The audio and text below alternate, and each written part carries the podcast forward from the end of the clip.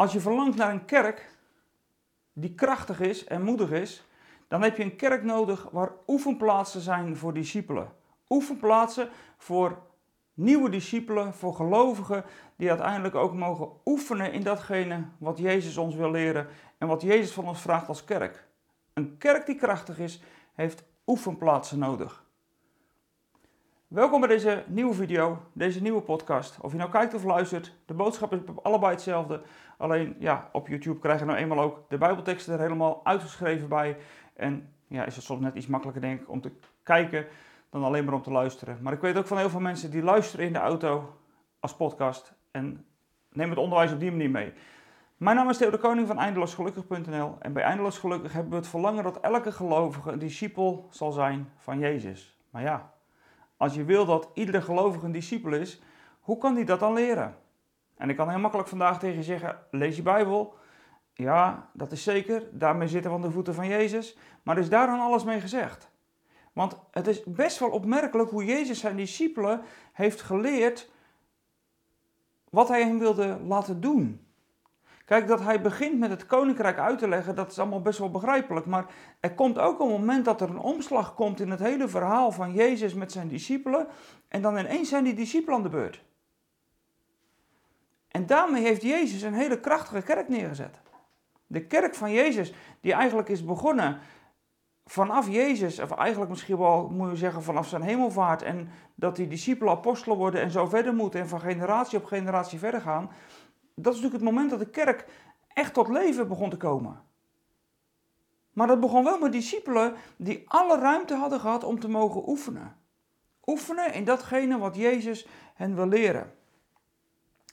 En als je even heel globaal door de drie eerste evangeliën heen kijkt, en dat zou je gewoon eens moeten doen, want daarmee zit je echt aan de voeten van Jezus. Ik heb ook echt in deze serie besloten om niet al dat losse onderwijs van Jezus, de bergreden niet helemaal, maar ook alle, alle preken die Jezus doet, om ze niet allemaal uit te werken in deze serie, want dan wordt het gewoon heel veel en dan wordt het ook een hele lange serie en gaat het misschien ook het doel van dat oefenen een beetje voorbij.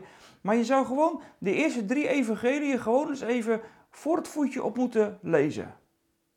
Dat is sowieso altijd heel goed om de Bijbel helemaal gewoon op volgorde te lezen, maar zeker met de evangelie. En dan zeg ik even de eerste drie, omdat Johannes wel een andere evangelie is. Die legt andere accenten, die benoemt het op een andere manier. Dus wat dat betreft zou ik zeggen, beperk je even tot de eerste drie. En dan valt in die eerste drie evangeliën een bepaalde lijn op die Jezus erop nahoudt. Het eerste wat hij doet, nadat hij zijn discipelen heeft geroepen en verteld heeft dat het koninkrijk nabij is gekomen, het allereerste wat hij doet, dat is de bergreden. Dat is een lange preek, daar hebben we het vorige keer al even over gehad en die keer ervoor. Dat is een lange preek met allemaal thema's die ertoe doen en die de basis zijn voor het koninkrijk van de hemel. Dat gaat over het gelukkig zijn, dat gaat over hoe je omgaat met bezorgdheid, dat gaat om hoe je met, met uh, veroordeling omgaat, of eigenlijk hoe je niet moet oordelen over die splinter en die balk. En dat loopt dan uiteindelijk uit en dan moet je maar lezen, vooral Matthäus, dan loopt het helemaal op uit. Dan ontdek je dat Jezus dan ineens vertelt aan het eind dat het is als een wijze bouwer. Zo zou het moeten zijn. En dat wijze bouwen, dat is niet bouwen op de rots Jezus, maar dat is bouwen op de manier van je luistert wat Jezus zegt en dan ga je het ook doen. En degene die niet alleen luistert, maar ook doet, die is dan de wijze bouwer. En dan stopt Jezus als het ware met, met die grote preek van de bergreden. En dan trekt hij het land in. Dan is hij ondertussen weer, ook aan de kant van Jeruzalem, is hij weer terug aan de andere kant. En dan trekt hij door al de steden en dorpen heen en dan gebeurt er van alles. En het eerste wat hij zijn discipelen laat doen, en nou, je moet het maar helemaal doorlezen, dan zul je het zien. Het eerste wat hij zijn discipelen laat doen, is gewoon kijken. Hij laat ze gewoon meekijken. En ik geloof echt dat kerken met leiders die hun bediening niet willen delen, dat dat uiteindelijk hele zwakke kerken zullen zijn. Want dan zal het altijd draaien om één persoon. Jezus heeft echt een ander voorbeeld gegeven. Jezus heeft als leider laten zien dat hij zijn bediening wilde delen. Hij heeft nooit de intentie gehad om zijn werk op aarde in zijn eentje te willen doen. Geestelijk leiders in de kerk, die de kerk willen leiden in hun eentje, die hebben niet helemaal begrepen hoe Jezus het heeft gedaan. En ik denk dat Jezus nog veel verder is gegaan dan dat wij gemiddeld genomen met de gelovigen die we in de kerken hebben, hoe dat wij dat zouden doen. Ik denk dat de meeste mensen in onze kerken die tot geloof zijn gekomen, al verder onderweg zijn dan de discipelen waar Jezus mee begonnen was. Maar wat Jezus dan als eerste doet, voordat hij zijn bediening gaat, gaat uitdelen, of dat hij zijn bediening ook voor een deel aan zijn discipelen gaat geven, hij laat hen gewoon meekijken. Je leest in de eerste hoofdstukken, en ik heb nu alleen het Matthäus-evangelie even voor me liggen, maar ook in andere evangelie zie je dat, hij laat ze gewoon met hem meelopen. En dan gebeuren er allemaal wonderen die Jezus alleen lijkt te doen. En dat is niet dat Jezus daarmee zijn bediening niet wil overdragen, of dat hij zijn bediening niet zou willen delen, maar hij neemt die discipelen mee om hen eerst te laten kijken hoe dat het werkt. Hij laat gewoon zien hoe dat hij het doet. Ze mogen eerst in alle rust en veiligheid kijken. En ik vind het ook echt een oproep aan leiders nu, leiders in de kerk. Geef mensen de gelegenheid om echt te kijken wat je doet. Neem ze mee hoe je een preek voorbereidt. Neem ze mee hoe je met zieken bidt. Neem ze mee hoe dat je bevrijdingspastoraat doet. Neem ze mee hoe dat je mensen vergeving laat uitspreken naar elkaar. Neem ze mee in dat hele avontuur wat jij met Jezus mocht aangaan, zodat anderen het ook mogen zien. Ik heb er een gewoonte van gemaakt om in het complexe pastoraat, het gebedspastoraat, bevrijdingspastoraat, nou geef het een naam. Ik heb er een, een gewoonte van gemaakt in de gemeente waar ik werk om altijd weer nieuwe mensen mee te nemen en mee te laten kijken en mee te laten lopen. Dat is handig, dan kunnen ze gelijk schrijven alles wat besproken wordt. Dus ik heb er een soort van notulist bij. En aan de andere kant kunnen ze meekijken en leren. En voor ze het weten, laat ik ze ook dingen daarna doen. Jezus doet precies hetzelfde. Hij neemt zijn discipelen mee. Hij laat ze meelopen. En hij geeft ze niet gelijk een taak. Ze doen wel wat ondersteunende dingen. Maar dan houdt het er wel mee op. En in dat ondersteunen klooien ze af en toe ook nog van alles aan elkaar. Ik denk van, oh, oh, oh, oh. Maar goed, zo werkt het wel. Zo werkt het ook. Iemand die voor het eerst op de basisschool komt, dan gaat het ook eerst nog heel vaak fout. Toen je voor de eerste keer letters leerde schrijven, dat ging ook niet gelijk goed. Dat is ook niet erg. Jezus geeft ruimte om te leren. En als dat allemaal gebeurd is, dan komt er een kantelpunt in het evangelie. En dat is best wel een apart kantelpunt, want het is een kantelpunt waarin de menigte om Jezus heen Jezus raakt. En dan lijkt hij een besluit te nemen dat dat het moment is om door te pakken en met zijn discipelen de volgende stap te gaan zetten. Ik lees een stukje met je uit Matthäus 9, de laatste paar versen van het hoofdstuk, um, vers 35. En ik lees een stukje door in, vers, in hoofdstuk 10. Ik plak dat gewoon aan elkaar. Dat hoort ook bij elkaar volgens mij. Die hoofdstukindelingen, daar moet je af en toe maar niet te veel naar kijken. En dan staat er in vers 35 van Matthäus 9. Daar staat Jezus ook rond uh, langs alle steden en dorpen. En hij gaf de mensen onderricht in een synagoge en verkondigde het goede nieuws over het koninkrijk en genas iedere ziekte en elke kwaal. En toen hij de mensenmenigte zag, voelde hij medelijden met hen. In de herziene staatvertaling staat dan, hij is met innerlijke ontferming bewogen. En die woorden in het Grieks worden eigenlijk alleen maar toegepast op Jezus of in een gelijkenis noemt Jezus ze, waar ze over hem gaan. Dus dat gaat over een hele diepe bewogenheid van binnen. Dus het woordje medelijden is heel zwak hier. Het is veel sterker dan dat. Zijn diepste uh, zijn diepste wezen wordt beroerd, zou je kunnen zeggen, wordt in beweging gebracht. Ook wat je in de psalmen eens leest over dat het in je nieren zit. Dat gebeurt er eigenlijk. Hij is met innerlijke ontferming bewogen, omdat ze uitgeput en hulpeloos waren als schapen zonder herder. Dan moet je bedenken dat er nog allemaal fariseeën schriftgeleerden waren en Jezus ziet dat ze als schapen zijn zonder herder. Dat zegt ook iets over het leiderschap van toen. En toen, zegt hij, toen zei hij tegen zijn discipelen, of tegen zijn leerlingen: De oogst is groot, maar er zijn weinig arbeiders. Vraag de eigenaar of vraag de heer van de oogst of hij arbeiders wil sturen om de oogst binnen te halen. En dat gebed wat Jezus hier vraagt, dat wordt direct als het ware verhoord door God. Of eigenlijk zijn die discipelen zelf de verhoring van dat gebed wat Jezus hen laat bidden. Want dan lees je in hoofdstuk 10, daarop riep Jezus zijn twaalf leerlingen bij zich en hij gaf hun de macht om onreine geesten uit te drijven en iedere ziekte en kwaal te genezen. En dan komen de namen van de twaalf apostelen. En dan verderop, dan krijgen ze de, de opdracht. Nadat die namen gekomen zijn, dan is het volgende wat Jezus zegt. Um, neem niet de weg naar de heidenen en ga niet naar de Samaritanen. Daar zegt Jezus niet dat ze niet belangrijk zijn, maar daar is het de tijd nog niet voor. Dat is pas voor later. Ga liever op zoek naar de verloren schapen van het volk van Israël, Gods eigen uitverkoren volk. En verkondig hun dat het koninkrijk van de hemel nabij is. Genees zieken, wek doden op. Reinig mensen die door huidziekte onrein zijn. Drijf demonen uit. Om niet hebben jullie het ontvangen en om niet moeten jullie het uitdelen. Neem geen geld aan, geen gouden, zilveren of koperen munten voor in je gordel Vraag geen reistas mee voor onderweg. Draag geen extra kleren, geen sandalen en geen stok, want de arbeider is zijn brood waard. In elke stad en elk dorp waar je komt, moet je uitzoeken wie het waard is te ontvangen.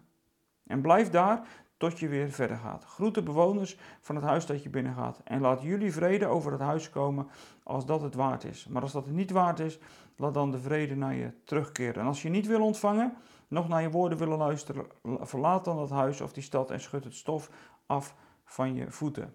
Ik verzeker jullie, op de dag van het oordeel zal het lot van Sodom en Gomorra draaglijker zijn dan dat van die stad.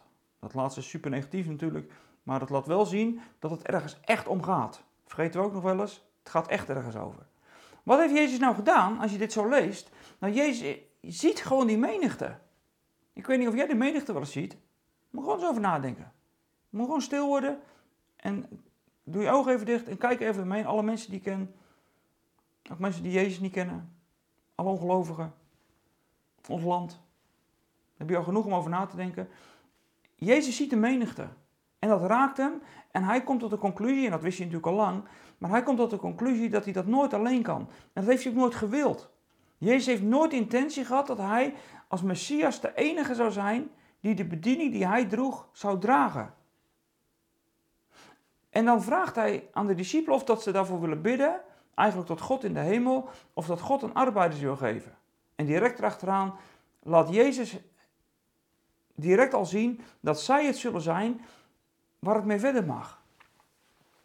Jezus draagt zijn bediening dus gewoon over. En dat is iets heel moois. Want als Jezus zijn bediening overdraagt, dan verwacht hij niet dat het allemaal volmaakt en perfect is. Jezus begint zijn bediening over te dragen terwijl hij er zelf nog is. En dan laat die omgeving waarin hij ze laat oefenen een oefenplaats zijn. Als de kerk geen oefenplaats heeft voor jonge nieuwe discipelen, en jong bedoel ik dan ook maar mensen die nog niet zo lang onderweg zijn, als beginnende discipelen geen oefenplaats hebben in de kerk, waar ze mogen leren om te spreken over verzoening, over vrede, waar ze niet kunnen leren om met zieken te bidden, waar ze niet kunnen leren hoe dat je in je autoriteit gaat staan om duisternis en demonen te verdrijven. Ja, als dat in de kerk er niet is, waar dan wel? En leiders in de kerk, ook in de kerk van 2023, leiders in de kerk die moeten die bediening die ze hebben gekregen durven overdragen en het met anderen durven doen. En als dat nieuwe mensen zijn, dan mogen dat mensen zijn die mogen oefenen. Een kerk heeft die oefenplek nodig. En ik merk dat er in de kerk van nu veel te weinig van die oefenplekken zijn. En dus gaat iedereen het zelf maar een beetje doen. Als ze dan een beetje aangeraakt worden door de geest. Ik noem het een beetje, misschien is het een beetje onderbiedig hoe ik het zeg. Maar dan worden ze aangeraakt en ja, helemaal alleen van het leiderschap in de gemeente krijgen ze niet de kans om stappen te zetten. Het is fundamenteel dat leiderschap in de gemeente bediening durft te delen. Jezus doet niet anders. En als bediening niet gedeeld wordt, dan stopt het ergens. Dan stopt ergens die kerk. Want dan wordt het niks anders dan mensen van buiten erbij halen. Maar dat is nooit de bedoeling geweest. Het is goed dat er voorgangers zijn die van gemeente naar gemeente gaan. Daar is niks mis mee. Maar als die voorganger zover is dat hij geroepen wordt voor een andere gemeente, dan moet hij een gemeente hebben klaarstaan die zijn bediening mag overnemen. En dus moet je oefenen. Als je niet oefent met Gods stem verstaan in je gemeente, als je niet oefent met het bidden met zieken en noem het allemaal maar op, dan gaat niemand het leren. En ja, dan kunnen we het op conferenties halen, kunnen we het overal halen. Maar het is de fundamentele eerste taak die leiders in de gemeente hebben om het hun eigen gemeente te leren. En zo worden gelovige discipelen en volgen er iedere keer nieuwe generaties met discipelen. En gaat het altijd goed? Nee, natuurlijk gaat het niet altijd goed. Wees vooral niet bang als het fout gaat. Het gaat bij Jezus ook een paar keer goed fout. Moet je even nadenken. Dan, dan, dan hebben die mensen honger.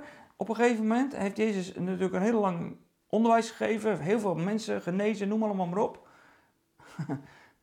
en dan, dan zeg, ze zeggen de discipelen op een gegeven moment moeten ze niet naar huis, want het is al laat. En dan zeggen Jezus, geef jullie ze te eten. En dan, dan zie je de discipelen naar elkaar kijken van, ja, wat zegt hij nou? We hebben hier geen cent. En de winkels zijn al lang dicht. Ja, nee. Maar Jezus bedoelt dat ze mogen uit gaan delen en mogen vermenigvuldigen van het brood wat er is. Daar snappen ze niks van. Ze bakken er ook maar helemaal niks van. De enige die het goed doet is Jezus zelf. Maar dan laat het hem wel zien. Dat zie je later, als Jezus op de berg van de verheerlijking is, en dan komt die berg af, dan heeft hij drie discipelen meegenomen, zijn er nog negen beneden, en dan is een jongen die is maanziek. Nou ja, wat het ook voor ziekte geweest is, dat is niet eens zo heel belangrijk nu. Maar dan komt Jezus die berg af en dan zijn die negen daar, die zijn gewoon knoeien. Ze maken er gewoon een op van. Ze bakken er helemaal niks van. En dan zegt Jezus, deze generatie of dit geslacht, dat gaat alleen maar uit door bidden en vasten. Die discipelen zijn gewoon veel te veel bezig geweest met de omstandigheden. En hebben niet gedacht dat ze de kracht die ze hebben gekregen van God uit de hemel hebben gekregen. En dus is het tijd om te bidden en te vasten en goed te luisteren wat er hier nou moet gebeuren. En dan gaat het gewoon mis. En nu weet ik wel, de situatie in de tijd van Jezus is veel absoluter dan nu. Er staat van Jezus dat hij elke ziekte genas. In de boek Handelingen is dit echt al anders. De kerk is lang niet zo hemel zoals Jezus hemel is. Jezus genas echt elke ziekte. Dat staat er iedere keer. En dat betekent niet dat Jezus elke ziekte in, elke zieke in Israël heeft genezen. Maar het bedoelt wel, iedereen die is gekomen, die is genezen. Die ontving het. Dat is later niet meer zo. Je kan niet zeggen, nou ja, we bidden de naam van Jezus en iedereen geneest. Nee, dat is niet zo. Het ligt onder zijn voeten, maar we zien het nog niet altijd. Lang niet iedereen geneest. Het is maar goed ook dat Jezus na drie jaar gestopt is met doden op te wekken. Want anders hadden we eindeloos door kunnen gaan. En had deze wereld vol geweest met allemaal mensen die al heel vaak doodgegaan waren en weer opgewekt waren. Dat lezen we helemaal niet. Dus het, is in de tijd dat Jezus rondliep wel absoluter en completer en totaler dan nu. Maar het gaat nog steeds om die bediening overdragen en oefenen. Breng ieder uit vrede. Breng God shalom. Vertel wat dat shalom van God is. Genees de zieken. Leg op zieken de handen. Bid met zieken. Hoe je het ook wil vertalen, hoe je het ook uit wil leggen. Maar doe dat. Maar er moet oefenruimte voor zijn. En Jezus doet niet anders dan zijn discipelen laten oefenen. En ik wil er eigenlijk nog een video over maken wat er dan gebeurt als ze ontdekken wat er gebeurt. Want ik geloof dat het namelijk niet alleen maar is dat we oefenruimte nodig hebben. Maar we hebben in de kerk ook een plek nodig waar we de verhalen met elkaar mogen delen. We hoeven niet grootste gelopen doen. Maar als die discipelen straks terugkomen, dan delen ze hun verhalen met Jezus. Er moet een mogelijkheid zijn dat we de verhalen mogen delen die we onderweg meemaken. Vanuit die oefenplek moet je kunnen reflecteren. Vanuit die oefenplek moet je kunnen evalueren. Als we dat niet doen in de kerk, dan bouwen we niet aan de kerk. Dan zijn we alleen maar bezig om gelovigen binnen te halen en daar stopt het mee. De kerk moet een oefenplaats zijn voor discipelen. Voor gelovigen die de bediening van Jezus mogen dragen. Nou, dat wil ik je meegeven aan de hand van die gedeelte die ik gelezen heb. Met je, ehm, ik hoop dat het je gewoon raakt. En dat je met elkaar gaat nadenken, hoe kunnen we zo'n oefenplek creëren? Dat is echt niet altijd makkelijk. Er is ook niet altijd de ruimte gelijk voor, omdat dit best een andere manier misschien van denken is, als dat in heel veel gemeenten normaal is. Maar laat er alsjeblieft een oefenplek zijn. Waar je al die dingen mag leren die Jezus deed. Het is soms zo heerlijk om gewoon met de groep gewoon even te oefenen met Gods stem verstaan. En God reageert er altijd op. Ik heb het al zo vaak gezien. Ik deed afgelopen week nog met de kring. Nou, de, ik, heb, ik heb een groeikring in de gemeente waar ik werk. Dat is eigenlijk datgene wat ook op eindeloos gelukkig staat als uh, een bijbelschool op locatie. Die, geef ik, die doe ik met deze kring en Gods stem verstaan. En we hebben ze gewoon in groepjes van drie ingedeeld. En ze zijn voor elkaar gaan bidden en ze zijn gaan delen van datgene uh, wat God op dat moment aan hen gaf. En dat is zo gaaf wat er dan gebeurt. Maar als je zo'n oefenplek, en dat is eng en dat spannend voor sommige mensen, ja, dat weet ik ook wel. Maar die oefenplek is die veilige plek waar je het mag oefenen. Nou, neem dat nou eens mee voor de komende tijd. Ga er eens over nadenken. Ga er eens voor bidden voor je eigen gemeente. Dat dat een plek mag zijn waar dit zo tot stand mag komen. En dat je op die manier, hoe Jezus zijn bediening overdraagt, dat je dat ook echt verder mag uitdelen. En verder mag, dat het ook verder mag komen dan dat het nu al komt. Oefenplek voor de kerk. Om de kerk krachtig en vurig te maken. En krachtig en vurig te houden. Dankjewel voor het kijken. Goed dat je meedeed. Dat is altijd goed. En ik denk dat deze boodschap echt belangrijk is. Willen we een kerk zijn die er echt toe doet in onze maatschappij. Dus neem deze boodschap mee, deel hem met anderen. Stuur hem alsjeblieft door. Vertel het ook anderen. En uh, ja, als je ons financieel wil steunen, heel graag. Degenen die dat doen, echt super bedankt dat jullie dat doen. Want daardoor maken jullie het ook gewoon mogelijk dat wij aan het eind van het jaar kunnen zeggen dat we onze doelen gehaald hebben. Waardoor we het mogelijk hebben en mogelijkheden houden om door te blijven gaan met alle dingen die we doen. En als je deze video zegt van ja, dit, nou, super top. Geef even een blauw duimpje. Reageer ook rustig in de comments. Dan zullen we het ook wel weer op reageren als je vragen stelt. Goed, voor nu genoeg denk ik. En ik zou zeggen, geniet van datgene wat je mag leren. Oefen. En tegelijkertijd een rustige, vredige en vooral ook gezegende week. En ik zou zeggen, tot volgende week.